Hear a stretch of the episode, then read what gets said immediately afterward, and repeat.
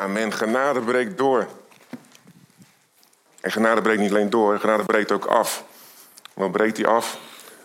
Alles wat opgeworpen wordt tegen het woord van Jezus. Alles wat opgeworpen wordt tegen jou, waardoor jij niet zou functioneren. Daar breekt, breekt genade gewoon dwars doorheen. Dwars doorheen. Dwars door jouw willen, dwars door jouw kennen, dwars door jouw denken. Gaat gewoon dwars doorheen. Alles verlossende genade.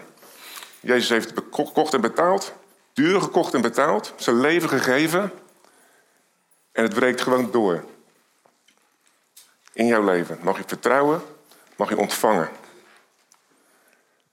En ik zou uh, een beetje doorpakken op uh, vorige week, op Gideon. Waar we eigenlijk mee geëindigd waren met het feit dat, dat hij geroepen was, is. En dat het voor ons ook geldt. En um, ja, deze, deze preek zal een beetje anders zijn dan andere. Dus ik hoop dat uh, Ruben, ik weet niet of we rek- en strekoefeningen moet doen. Want er gaan wat sheets voorbij komen. Maar ik wil gewoon vanuit het woord eigenlijk aan jullie laten zien... hoe je geroepen bent. Wat nou eigenlijk gaven zijn, waarvoor ze zijn. En wat de, gemeente, de rol van de gemeente daarin is. En dat is onlosmakelijk met elkaar verbonden namelijk. En ik weet niet, uh, wij zijn, wilden niks inmiddels uh, mogen scharen onder ervaren gemeentegangers. 30 plus al in een kerk. Wil dat nog langer, ik ben er niet meer opgegroeid. Wil dat wel. En ik weet nog dat we, uh, dat we echt wel eens vroeger in de gemeente hebben gezeten. Dat, dat we achterin, geen veroordelingen, dat we achterin tegen de muur geplakt. En dan klonk het amen als een soort met scheidsrechterfluitje. En er was een vlamspoor naar de uitgang. Ik denk niet dat ze ons gezien hebben. Dat was echt de billen van de stof, is de uitspraak. Nou, dat was op ons echt van toepassing. En dan ben je kind van God. Ga je elke week naar de kerk. En op een gegeven moment ga je nou afvragen... Waar ben ik nou eigenlijk mee bezig? Wat, wat is nou het doel hiervan? Waarom ga ik nou eigenlijk naar de kerk? Wat verwacht ik ervan? Wat, wat doe ik hier? Verwachten die mensen van me? Dat zijn allemaal vragen die, die wij ons toen wel afgesteld hebben. En wij hebben toen een besluit genomen om, uh, om ballast overboord te gooien. Om genade te omarmen. Om het eigen willen, om dat los te laten. En dat is best moeilijk. Want dan kom je erachter dat je best veel wil. Zelf. En dat is niet altijd in lijn met hoe God het voor ogen heeft. En als het niet in lijn met wat God voor ogen heeft is, dan wil het niet zeggen dat, dat de andere weg die je moet gaan, dat die niet goed voor je is of dat die vervelend is. Hij zegt, ik toon u een veel uitnemender weg. Als je mij volgt. Dus daarom mee te beginnen, maar ja, zeker als je, als je al lang op de weg bent, heb je ook het idee dat je voor jezelf eigenlijk best wel een soort van comfortzone om je heen hebt, waar je het helder ziet. En, en ik moest eraan denken, ik moest, ik moest gisteren moest ik, uh, moest ik Iris wegbrengen. Nou, jullie weten allemaal wat voor weer het gisteren was. Het was s ochtends met name erg mistig. En wat eigenlijk zo raar is, daar waar, waar je rijdt, is eigenlijk best helder. Alleen daar 500 meter verderop is die mist. En dan ben je 500 meter verder. En is nog steeds helder waar jij bent. En 500 meter verderop is die mist. En ik denk van ja, zo kan het gemeenteleven soms ook aanvoelen. Je denkt dat je niet weet waar je naartoe gaat. Je hebt het voor jezelf best wel helder. Maar de conclusie is, als je gewoon gaat lopen, in mijn geval gaat rijden, je komt toch wel op je bestemming. Maar je moet gaan bewegen om de dingen die God gegeven heeft, om die te gaan laten ontplooien. Om die tot zijn recht te gaan laten komen. En dat is heel belangrijk. En, de gemeente is daar een, een, een essentieel onderdeel van. En um, de basis is uiteindelijk Gods liefde voor jou. Je mag die eerste sheet op, denk ik.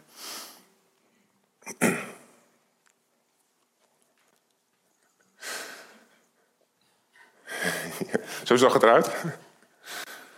Is volgend. Mag, mag verder. De eerste teksten, ja. Er gaan aardig wat teksten voorbij komen vanmorgen. Ehm, en dat doe ik uh, eigenlijk bewust om ook te laten zien van ehm, alles wat hier vandaan verteld wordt. Je mag vertrouwen dat het geïnspireerd is. Maar het is niet alleen maar een mooi verhaal. Het komt uit het woord. God heeft zijn woord gegeven aan de gemeente, voor jou en voor mij, om om daar wijzer van te worden. Om dat te implementeren in je leven. Om te ontvangen wat hij voor je heeft. Het gaat door zijn woord heen namelijk. Het gaat er nooit omheen. En het is altijd mee in lijn. Daarom gaan we wat teksten vandaag zien. Dus uh, hou je vast. Paulus begint in de Romeinenbrief vaak met geliefde. Geliefde. En als, als je dan in de grondtekst kijkt, dan is dat woord geliefde agapetos. En waarom, waarom gebruikt u het woord? Om aan de gemeente te laten zien... jullie zijn met die liefde, zijn jullie geliefd. En ik denk dat jullie wel weten wat het woord betekent. Maar voor de zekerheid...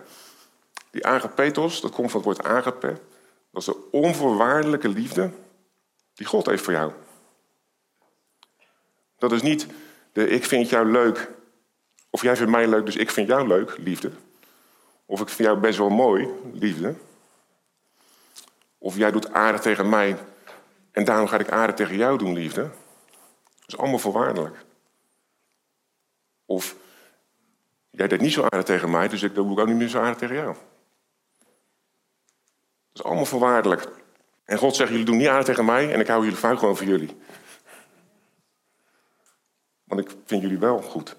Want ik heb jullie goed gemaakt, ik heb jullie geschapen, dat komt straks ook voorbij. Ik heb jullie gemaakt, goed gemaakt. En ik heb mijn leven voor jullie over. En als je dat dichtbij trekt, als je dichtbij trekt, je hebt zelf kinderen. Ook, wat net Ellen zei, God is de bron van Jezus. En die heeft zijn zoon gegeven om voor ons te sterven. Moet je je voorstellen als ouder, dat je je kind eigenlijk opoffert voor een doel wat het kind niet wenst. Dus je zegt van, ik geef mijn kind, want als ik mijn kind offer, dan worden al die mensen die dat kind eigenlijk haten, die worden gered. Kan je dat voorstellen als ouder? Ik niet. Ik kan me dat niet voorstellen. Ik ben een kleine. Dat gaat hem niet worden, hè? dat gaat hem niet worden. En dat is prima. Wij hoeven dat gelukkig niet meer te doen, want dat is eenmalig. Eenmalig en het heeft doel getroffen. En is volledig. Zodat wij dat niet meer hoeven te doen. En wij zijn ook niet God, dus dat scheelt. En um, goed, Jezus zegt van je bent geen slaaf meer. Hij zegt verderop, in dat vers zegt hij, ik noem jullie vriend. En herken je, herken je Jezus ook als je vriend? Heeft dat gestalte in je, in, je, in, je, in je wezen, dat hij een vriend van je is? Want we hebben best wel beeld bij wat, wat een vriend zou moeten zijn. Wat Jezus hier doet, hij komt hier helemaal naar beneden en hij gaat naast je staan.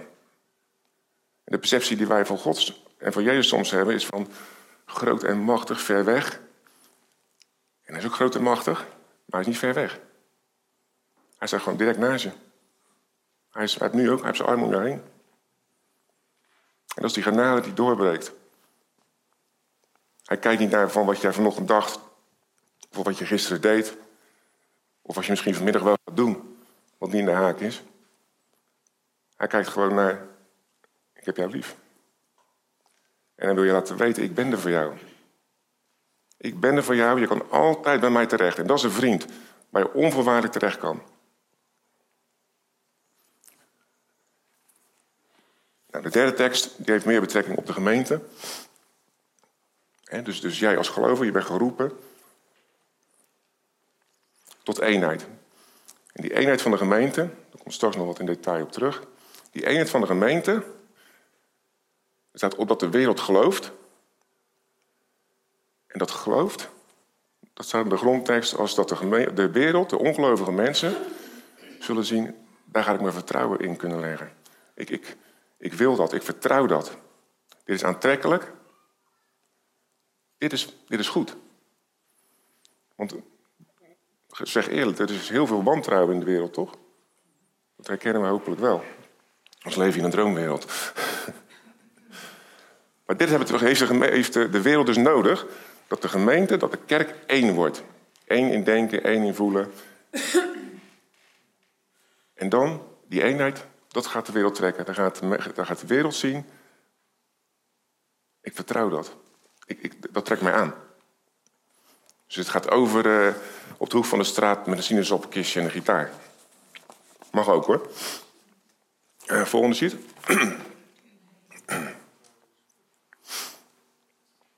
ja, wij zijn dus. Doordat Jezus ons gemaakt heeft. En doordat jij ja gezegd hebt tegen zijn roepstem. Als je kind van God bent. Heeft hij zijn geest in jou gegeven. En daarmee heeft hij jou geschikt gemaakt. En niet geschikt dat je opeens een geschikte peer bent of dat je een, eh, een toffe tante bent. Hij heeft jou geschikt gemaakt, capabel gemaakt om in zijn gemeente te dienen. Dus je hebt daar geen uh, drie weken cursus voor gevolgd. Toen hij in, in, jouw hart kwam wonen, was je capabel geworden. Ben je capabel geworden. Ja? En de capa die, die, die capaciteiten die zijn te bate van de gemeente. Omdat zoals in Efeze staat, Door de gemeente, en daar staat gewoon letterlijk kerk, door ons, wordt God openbaar gemaakt aan machten en overheden. Mensen die niet in God geloven, zegt de Bijbel, zijn kinderen van de duivel. Dat klinkt heel dramatisch. Maar uiteindelijk is het zo. Want ze geloven God niet. En er is niets anders. Dus of je loopt in het pad van de duivel, of je loopt in het pad van God van Jezus in zijn genade. En het pad van de duivel voelt zo lekker. Dat is namelijk je duivel. Het is hartstikke goed, weet je. Ik heb, ik heb een topbaan en uh, ga allemaal lekker. Ik kom er zo meteen nog wel op.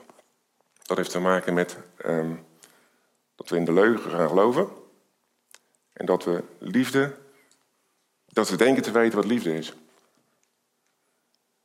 dat we denken te weten waar geluk vandaan moet komen. Maar geluk zit niet in dingen. Geluk, ja, dat is heel uh, flauw, maar geluk zit van binnen. En dat is echt zo. Alleen het gaat pas leven als Jezus in je, in je binnenste is. Daarom wilt hij graag, als jij ja tegen hem gezegd hebt, wilt hij graag met zijn geest, wilt hij nu graag gaan werken in jou. En het gaat door de gemeente. De gemeente is een belangrijke schakel in. Volgende sheet. Uh, nee, uh, ja, volgende sheet. en dit gaat over die onvoorwaardelijke liefde. Mag ik even lezen?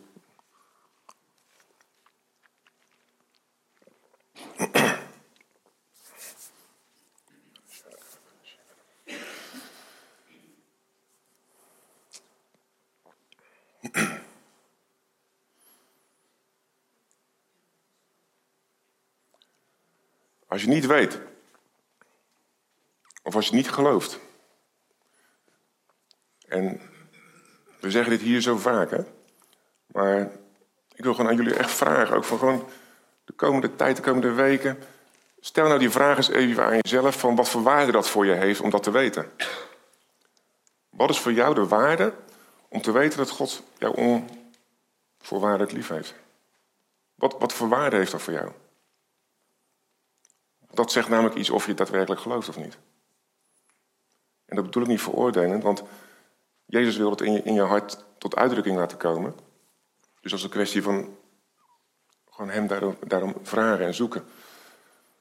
Maar als je dat niet op waarde inschat, als je dus eigenlijk, eigenlijk niet gelooft, zou je kunnen zeggen, dan is eigenlijk alles wat jij doet, dat heeft een voorwaardelijk karakter. Want je put niet uit de bron. Want hij geeft een onvoorwaardelijke liefde niet alleen om jou um, dat te laten ervaren wat het is, maar ook om jou te leren uit welke put jij moet tappen. Uit welk kraantje je moet tappen. Dat is heel belangrijk.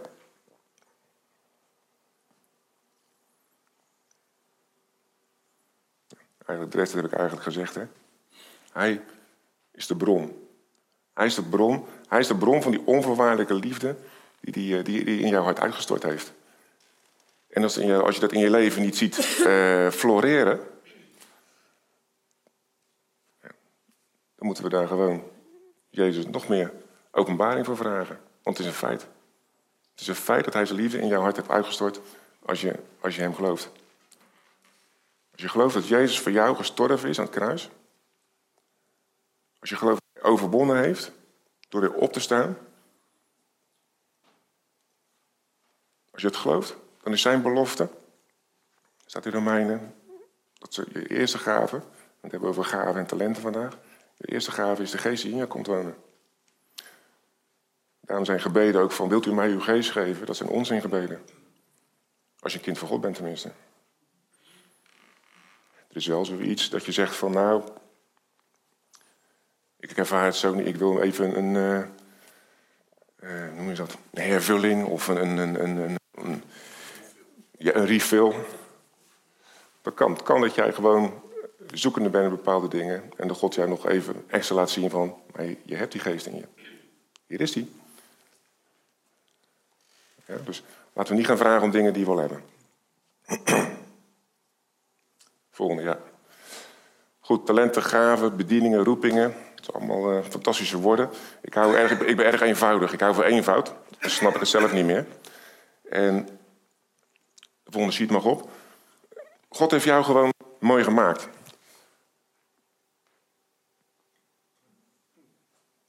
Bijna de hoe je Laat me staan, laat me staan. God heeft jou mooi gemaakt. Ja? En je bent door hem geroepen. En dan zeg je, je bent uitverkoren. Jij bent uitverkoren uit deze wereld.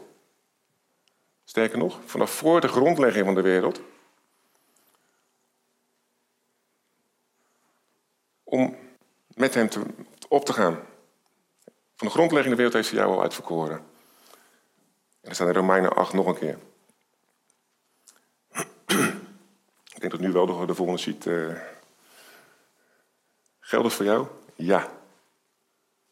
En hoe gaat gemeente uh, gestalte krijgen? Door de gemeente van God gaat er gestalte krijgen. En dat is iets wat, wat, uh, wat we niet moeten onderschatten. De, de, de, rol van de gemeente, van, van, van Jezus in de, in, de, in de wereld, dat moeten we niet onderschatten.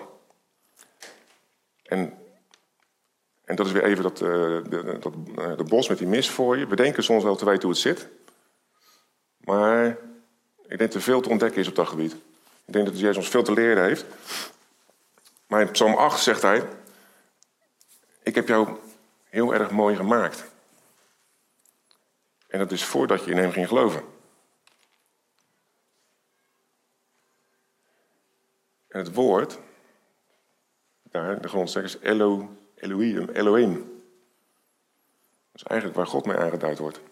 Staat in de grondtekst, in de Nederlandse grondtekst, bijna goddelijk gemaakt. Staat er. Zo zijn we gemaakt al voordat we hem in ons hart ontvingen. Want we zeggen ook wel eens van ja, we hebben toch uh, talenten, we zijn toch goed in dingen. En we, de een kan goed leren, de ander kan goed uh, musiceren. De volgende die, ja, alles waar je maar goed in kan zijn. Nou, dat zijn talenten. En talenten zijn gewoon van God. Of jij bent gemaakt van God. Alleen we gebruiken die talenten niet ten bate van God of gemeente. Totdat je tot geloof komt. God kan het wel gebruiken. Maar het komt nu nog niet tot zijn, tot zijn recht. Dus het kan ook zijn, zijn dat nadat jij er geloof in gekomen en je in de gemeente gaat dienen, dat die talenten gaan ontplooien. Dat kan. Dat is een variant. Bottom line is, voordat je in het Koninkrijk van God plaatsgenomen hebt, heb je al talenten van Jezus ontvangen. En zijn gewoon goede dingen. En er zijn zat mensen die er goede dingen mee doen. Alleen het is beperkt. Het is beperkt, want de talenten worden ook heel vaak gebruikt voor eigen gewin. Dat is normaal. Als je goed kan leren, dan probeer je zo goed mogelijk te leren. Dat je een goede baan mag krijgen. Als je goed kan musiceren, dan probeer je zo goed mogelijk te musiceren. Dat je hopelijk ergens een keer in een of ander fantastisch uh, orkest uh, mee kan spelen. Dus dat is ook, daar is helemaal niks mis mee. Maar het is wel ik gericht. Ja?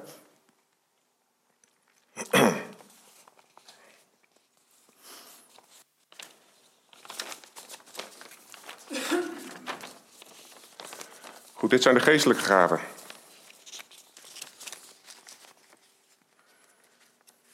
En als je die, uh, die tekstgedeelte leest, Corinthiërsbrief het gedeelte uit Efeze en uit Romeinen, dan zie je ook een beetje wat, het doel is van die specifieke gaven binnen de gemeente. Het is één geest, staat er in het woord, die alles werkt. Gods geest. Die geest is in jou.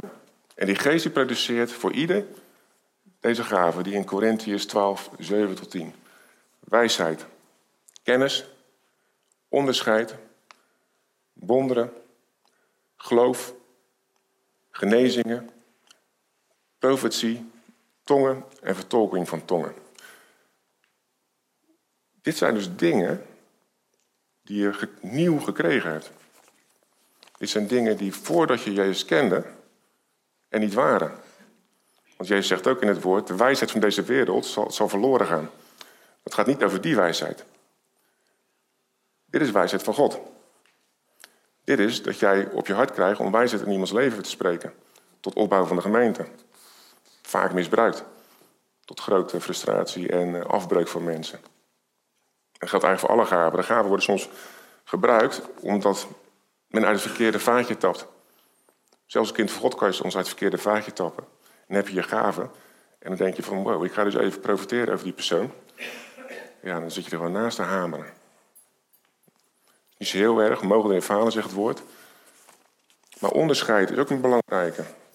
Ik verschillende mensen in deze gemeente, onder andere eh, mijn eigen vrouw, Rob, eh, Berends. Die gave van onderscheid, die hebben we. En wat is die gave van onderscheid? Je weet als je met iemand praat, wat hij zegt. Niet met zijn mond, maar daarachter. En ik, hij staat niet in, in, uh, in de Efezebrief als zijn voor voor de leiderschap. Maar ik denk dat het ook voor leiderschap heel belangrijk is. Want ze onderscheiden we naar de schapen.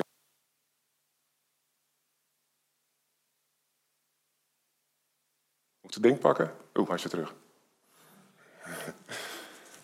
Geestelijk onderscheid. Ten bate van de gemeente. Vind ik persoonlijk een vrij belangrijke. Dat zijn eigenlijk allemaal, allemaal belangrijk. Um, die zijn dus voor iedereen. Om de gemeente toe te rusten, staat er in Efeze. Dus dan, zit je een beetje in, in, in het leiderschap of in, in diakenachtige omgevingen. Dat is uh, eigenlijk de vijfvoudige bediening: apostelschap, profetie, evangelist, leraar en herder. En dat zijn dingen waarop we mogen vertrouwen dat Jezus die gegeven heeft. Aan het leiderschap ten bate van de gemeente. Al die gaven zijn altijd ten bate van de gemeente. Ze zijn nooit ten bate van jezelf, nooit.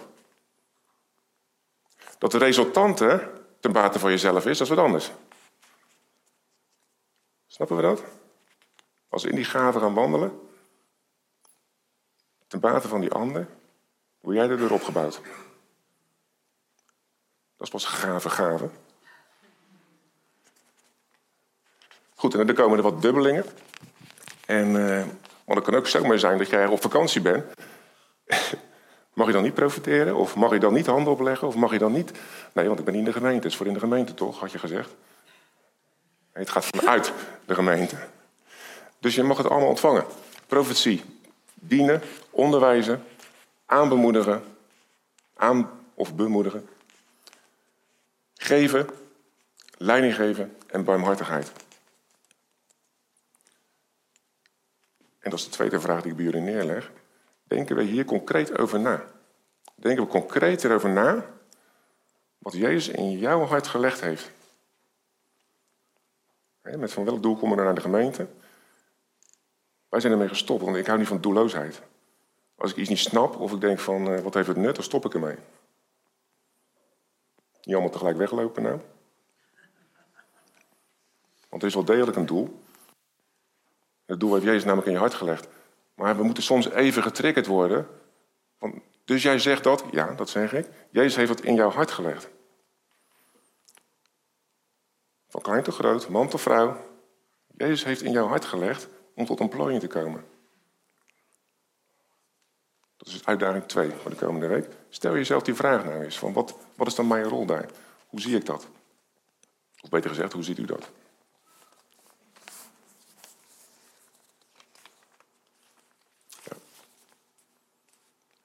Waar zijn ze voor bedoeld, die geestelijke gaven? Dat heb ik al een paar keer genoemd. Ik denk dat we, dat we in, in, in evangelisch Nederland een hele grote fase hebben gehad van... we gaan erop uit en we gaan dit en we gaan dat. Nou, en er kwam wel één persoon tot geloof. Nou, ik zou het vertekenen trouwens hoor, maar... De effectiviteit was daar misschien uh, niet helemaal uh, wat het moest zijn. En dat is omdat, of door, de, door, door het leiderschap, of door de mensen zelf, dat het niet duidelijk gemaakt is dat die gaven die zijn te bate van de gemeente. Dat is ook raar eigenlijk. Dan wordt een beetje een, een klein clubje wat elkaar een beetje oppept. Wordt dan duidelijk. Het is voor de gemeente. Ja? En Paulus zegt zelfs van in Corinthians. Ook u moet dus, als u zo op geestelijke gaven gesteld bent, zien uit te blinken in de dingen die de gemeente tot nut zijn.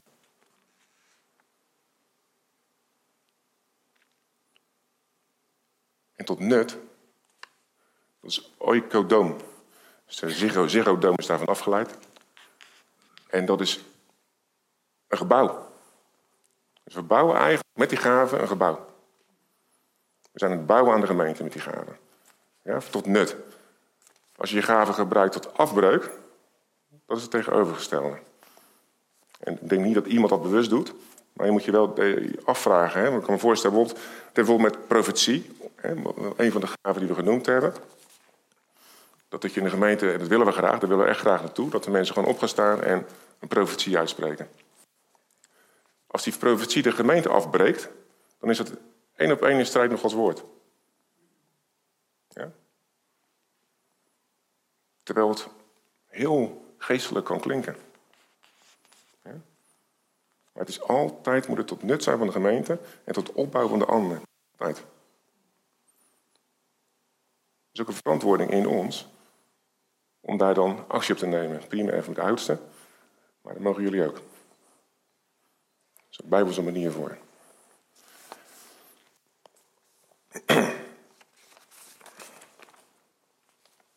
Ja. Oh, oh, dat ging snel. Nee, al gezegd. Goed. hij, gaat helemaal goed mee, die Ruben. Hè? Helemaal goed. Goed. Net zo goed als toen je uit de bekering kwam, zegt de Bijbel van toen ben je opnieuw geboren. Van boven staat er. Zo zijn dus je gaven die zijn van boven. Dat zijn geen dingen waar je voor geleerd hebt, per definitie. Dat zijn geen dingen waar je je best voor eh, hebt gedaan. Dat zijn dingen die zijn op geestelijke manier, bovennatuurlijk, in jouw hart gelegd. Bovennatuurlijk. Ik moet aanspreken, een beetje tegenwoordig natuurlijk. Maar het is bovennatuurlijk wat er in je hart is gelegd.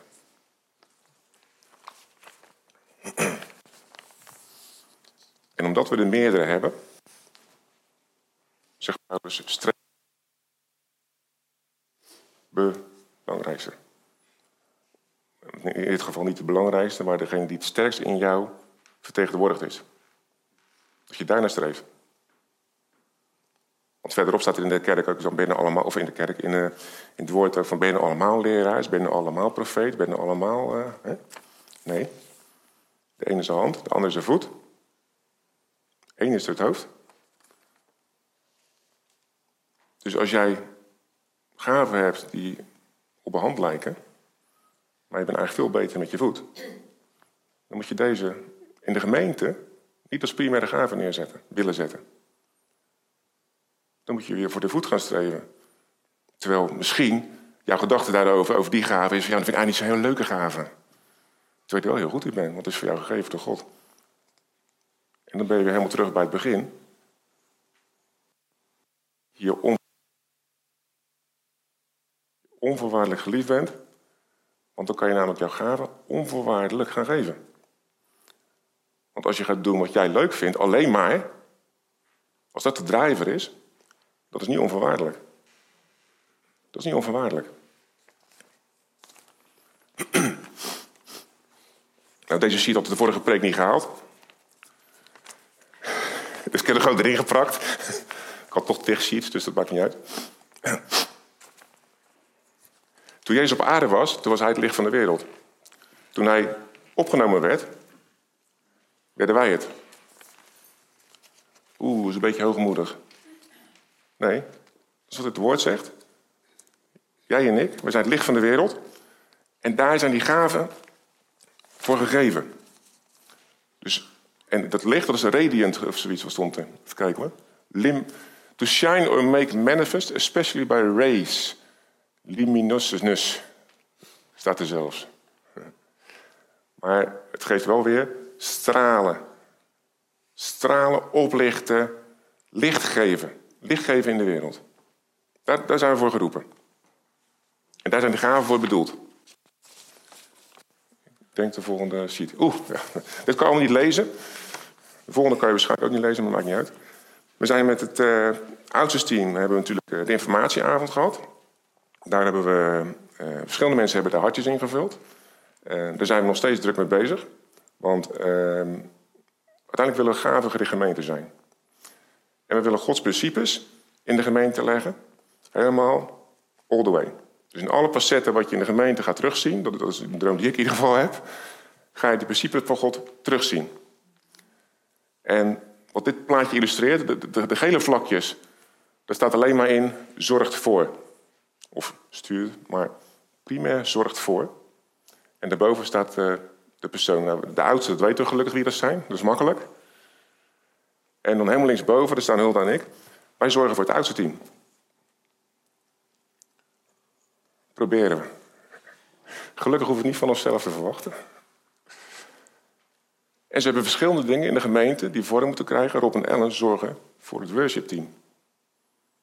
Ben en Luc die gaan daar bijvoorbeeld een, een leukere rol spelen dan dat ze deden. Dat geeft hun een soort diakenrol. Maar zij zorgen ervoor de mensen in die groep weer.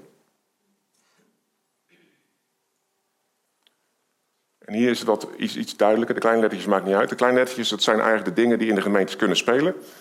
En wat er omheen staat, dat wil ik eigenlijk symbolisch laten zien van, het staat er omheen. Ja, dus de oudsten staan om de gemeente. De, de diakenen die staan om de aparte groepen. En, en welk principe zit daar nou in? Weet iemand het? Want ik. Er zit een goddelijk principe in. En dat is waar Ellen uh, net uh, uh, dat meldde. Ik denk de volgende sheet wel op mogen we. Ja, dat is dit principe. Langs dit principe willen we de gemeente gestalte geven. Meer en meer. Dat is niet op één dag. Want het te maken met namelijk met hoe, hoe echt wij met z'n allen willen worden. En hoeveel van onszelf we los willen laten.